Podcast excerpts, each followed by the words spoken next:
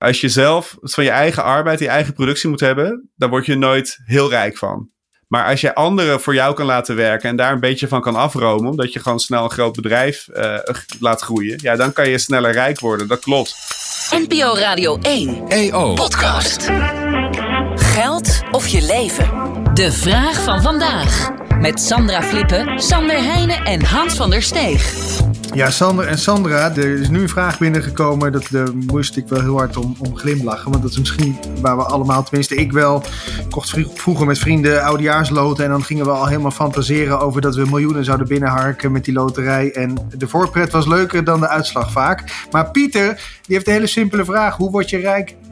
Ja, ja. ja mooie vraag. Als je rijk wilt worden, is het volgens mij het slimste om te proberen uh, vaardigheden te ontwikkelen uh, waar heel veel vraag naar is, maar waar, die niemand anders heeft. Of weinig anderen hebben.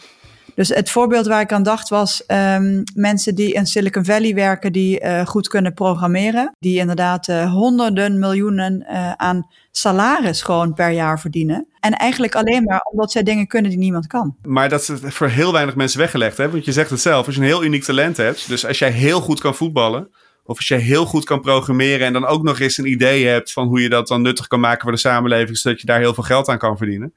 En die kans dat jij dat bent, is gewoon natuurlijk uiteindelijk niet zo groot. Het is ook een beetje een lot uit de loterij. Ja, maar, ik denk, maar het, het, klinkt heel fout wat ik nu ga zeggen. Maar ik denk dat in een land waarin de overheid weinig investeert in de grote gemeenschap flink laten bijleren. Dus waar, zoals in Amerika bijvoorbeeld, waar echt toch wel de publieke voorzieningen een stukje magerder zijn en een stukje meer voor mensen met al heel veel geld zijn. In zo'n systeem ja, moet je ook inderdaad iets heel goeds kunnen.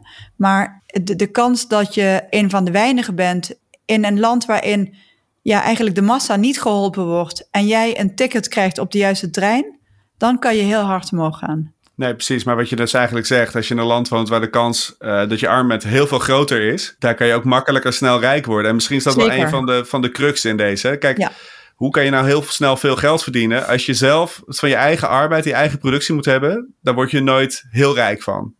Tenzij je uh, ergens weet door te dringen als topmanager misschien.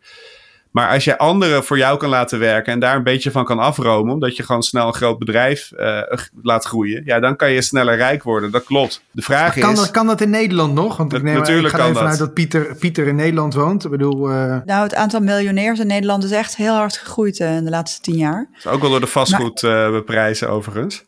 Ja, nee, dat klopt. Maar volgens mij is het ook wel zo dat wat je, je ziet dan die ondernemers die dan heel snel rijk zijn geworden. Maar wat je niet ziet, is die, dat hele kerkhof van ondernemers die het niet gered hebben. Inderdaad, je laat mensen voor je werken en, en je roomt een stukje af. Maar dat stukje afromen is ook niet helemaal gratis, want uh, je bent helemaal verantwoordelijk voor, voor, ook voor als het misgaat. Dus je kunt veel winnen, maar je kunt ook heel veel verliezen. En je moet ook de ruimte hebben, ook financieel, om te kunnen investeren in eerste instantie. Hè? Dus, dus al is het maar, als je een bedrijf start en je hebt zelf de eerste twee jaar geen inkomen. Ja, je moet toch op de een of andere manier eten en je huur betalen. Hè? Dus, dus je hebt ook wel een zekere uitgangspositie nodig om te kunnen starten vaak.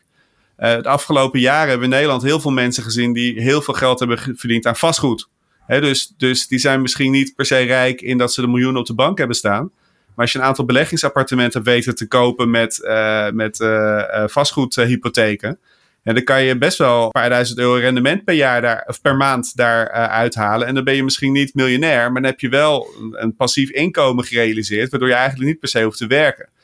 Goed dus, punt. Ja. dus er zijn een heleboel manieren waarop dat kan. Alleen je hebt altijd wel een springplank nodig om dat te kunnen bereiken op de een of andere manier. En, en dat is het. Startkapitaal eigenlijk. Ja, ja, in zekere zin nou, wel. En dan moet je dat startkapitaal wat breder definiëren. Want een, een, een, uniek talent als programmeur of als sporter, dat kan ook je startkapitaal zijn. Ik heb, uh, want ik vond het uh, zelf, uh, toen ik een jaar of tien jonger was, een heel fascinerende vraag. Van hoe word ik snel rijk? En ik had er ook wel zelf enige ambities in.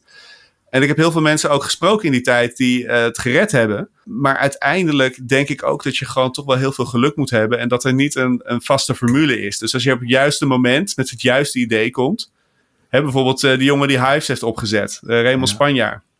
Die, had, uh, die was niet de enige die aan een social, social medium dacht. Hè, dat kwam op heel veel plekken in de wereld tegelijk op. En dat van hem heeft het in Nederland een tijdje goed gedaan. En net voordat het neerging, heeft hij het voor 50 miljoen aan de Telegraaf verpatst. Die dachten van, oh leuk, internet, daar moeten we wat mee. En een jaar later was het bedrijf alweer helemaal weg.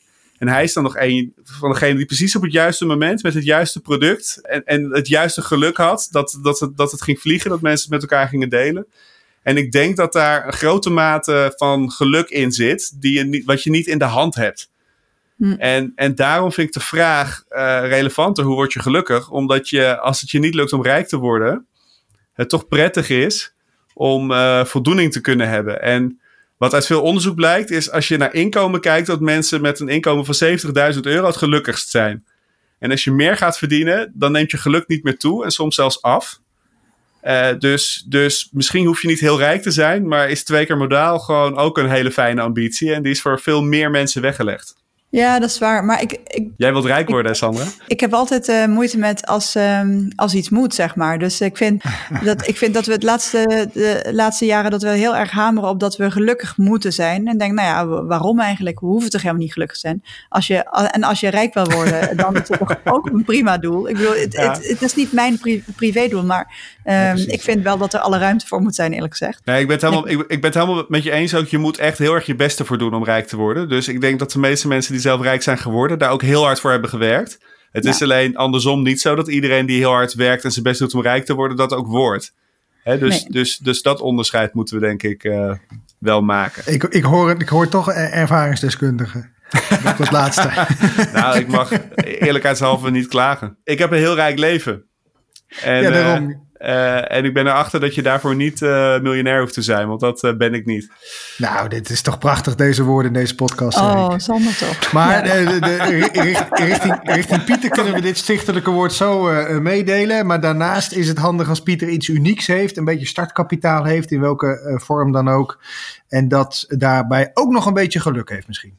Zo mogen we het misschien wel samenvatten. Ja, ik heb ja. een boekje in mijn kast staan, Je leeftijd als goudmijn. En dat gaat erover als je op je achttiende begint met beleggen dan kan je op je vijftigste kan je behoorlijk, een behoorlijk end zijn. Door maar garantie, rendement garantie op tot je rendement. voordeur, toch? Zeker, ja. Ik, ik, okay. heb, het, uh, ik heb het ook niet opgevolgd, maar... Uh... Hey, dankjewel mensen. Um, ik vond het een rijke aflevering. Goed, heb jij ook een vraag aan Sander of Sandra? Of aan allebei natuurlijk, dat kan ook. Uh, mail dan naar podcastradio1.eo.nl. Dit was hem voor vandaag. Morgen weer een nieuwe vraag. NPO Radio 1 EO Podcast.